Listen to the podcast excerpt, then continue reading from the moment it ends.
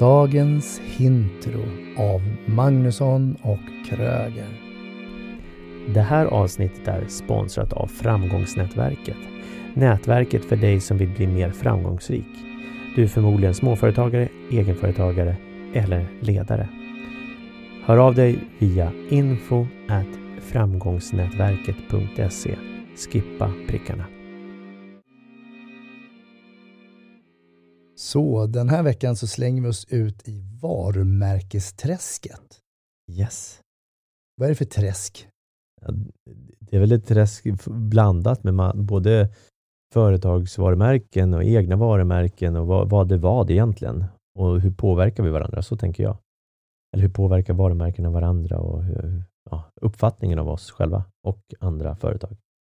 Nu var det väldigt ja, ja. Var det där tydligt? Distinkt varumärkesbeskrivning du kom med? Eh, nej. Om vi nu tar några starka varumärken då, så jag tänker så här globala företag, eh, till exempel Ikea, Volvo, H&M, alltså det finns ju massor ja, av starka. Det är ju globala. Jag tänkte säga ICA, men det är inte globalt. Men... Nej, men, ja, men det kan ju också vara starkt varumärke. Eh, men vad, vad spelar personen för roll i det varumärket då, tänker du? I ett stort varumärke som de du nämnde, då tror jag att det är mera alltså, den vanliga enkla människan, tänkte jag säga, kanske inte har så stor betydelse. Däremot ledarna. Du menar den lilla, lilla, lilla individen? Ja, precis. Little people, eller small people, eller vad var det han sa? BP, va? Han, han gjorde ju en, en påverkan. Han som hade den intervjun för många år sedan. Uh, men, men det är ju typ sådana personer, alltså ledare, de som är frontfigurerna. Vi kan väl ta Richard Branson som är då för Virgin Records, Virgin Airlines och etc. Där blir ju han väldigt viktig för varumärket jämfört med kanske en flygvärdinna på ett flygplan. Mm. Om, om, om man då gör det mindre bra, kanske inte det påverkar så mycket. Ja, självklart hur illa det är, då, men, men överlag så tror jag inte det påverkar eh, företagets storhet. Men jag tänker någonstans att varje individ är ju viktig för att varumärket ska vara så starkt. Det är så det har blivit starkt. Absolut. När Ingvar Kamprad startade sitt IKEA så var väl det inte något jättestarkt varumärke, men han hade ju en stark vision mm. och förmodligen mission också. Och eh, varje person som man sedan tog med i bolaget så, så stärktes ju varumärket i helheten. Så det tror jag är en väldigt viktig bit också, att eh, du någonstans delar bolagets värderingar, varumärke, mm. vad står det för och hur ser färgen ut och så vidare. och så vidare. Ja, det är väl därför det är så viktigt när du är ett litet företag, att när du väl börjar anställa, eh, att ha, ha det klart och tydligt för sig, eh, framför sig, liksom, det här är vårt varumärke, det är det här vi står för, det är så här vi ska vara, det är så här vi agerar, det här är våra värderingar och vad innebär det för oss? Och sen vara tydlig med det i kommunikationen med de nya anställda. Så att det blir lätt att se att det matchar och att de liksom kan representera det också. Mm. Living the brand brukar man prata om. Ja, lev brandet, lev varumärket. Ja, lev varumärket. Och det är ju både på det personliga planet och företagsmässiga planet. Mm.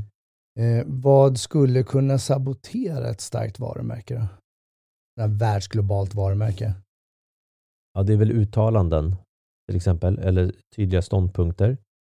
Eh, exempelvis eh, som BP, när det var någon oljekris där för många år sedan, så säger han så här, We care about the small people. Mm. Eller vad han säger. Och då menar man ju, det blir översatt till, och han är ju svensk då, han som gjorde uttalandet, och small people är egentligen då kortväxta. Mm. Eh, och det, det upplevdes lite så här förnedrande, patronizing. Mm. Eller så tänker man eh, kungahuset då, kanske också Sveriges kungahus, ett starkt varumärke ja. i världen och kära örebroare när han var någon helt annanstans. Ja. Han var Arboga eller vad han nu var. Ja. Jag såg. Ja. Och det jag såg då hon, var det hon eh, från Miljöpartiet som gjorde någonting här nu också. Ah, Sverige vann ju mot, de spelade mot Rumänien några helger sedan och, och gick vidare till EM och hon säger inte Rumänien, hon säger något annat land. Det var också så här, och det har precis hänt. Ah, okay. Ja, Eh, det som skulle kunna vara en utmaning och svårighet var ju också det här med Facebook har ju varit i blåsväder. Det är ett mm. väldigt starkt varumärke. Nu vet jag inte exakt vad totala konsekvenserna blev av det, men det, om jag förstår saken rätt så var det väl en hel del böter och annat involverat i det där också. Mm. Men ofta tycker jag att de repareras ju. Det är inte så att vi har sänkt kungahuset nu för att det var ett felaktigt uttalande. Vi har ju inte slutat använda Facebook bara för att det var eh, massa skriverier och trubbel om det. Hur kommer det sig att det fortfarande kan leva kvar då? då? Jag tror ju att eh, vi, vi, är så vana också att använda de här grejerna, exempelvis Facebook. Ehm, um, så, så, vi liksom, ja ja, vi rycker på axlarna och folk fortsätter använda det och alla andra gör det så, så, så lever det vidare. Sen har du ju självklart vissa individer som kommer, nej men då, jag kommer aldrig använda det här igen. För att, för att det går, och då krockar det med våra egna värderingar också. Um, så att även om det är stora varumärken så är det ju, krockar med vissa individers värderingar till exempel, så kanske vi då också väljer att sluta uh, följa. Jag köper inte Barilla-pasta. Mm. Jag hörde att han, och nu vet inte jag om det är sant, men det är vad jag minns för några ja, år sedan. Berätta nu, håll inte på att linda mm. ja, in Vad är det för något? Ja, det är att eh, vdn tyckte att, att, att eh, homosexualitet var en sjukdom.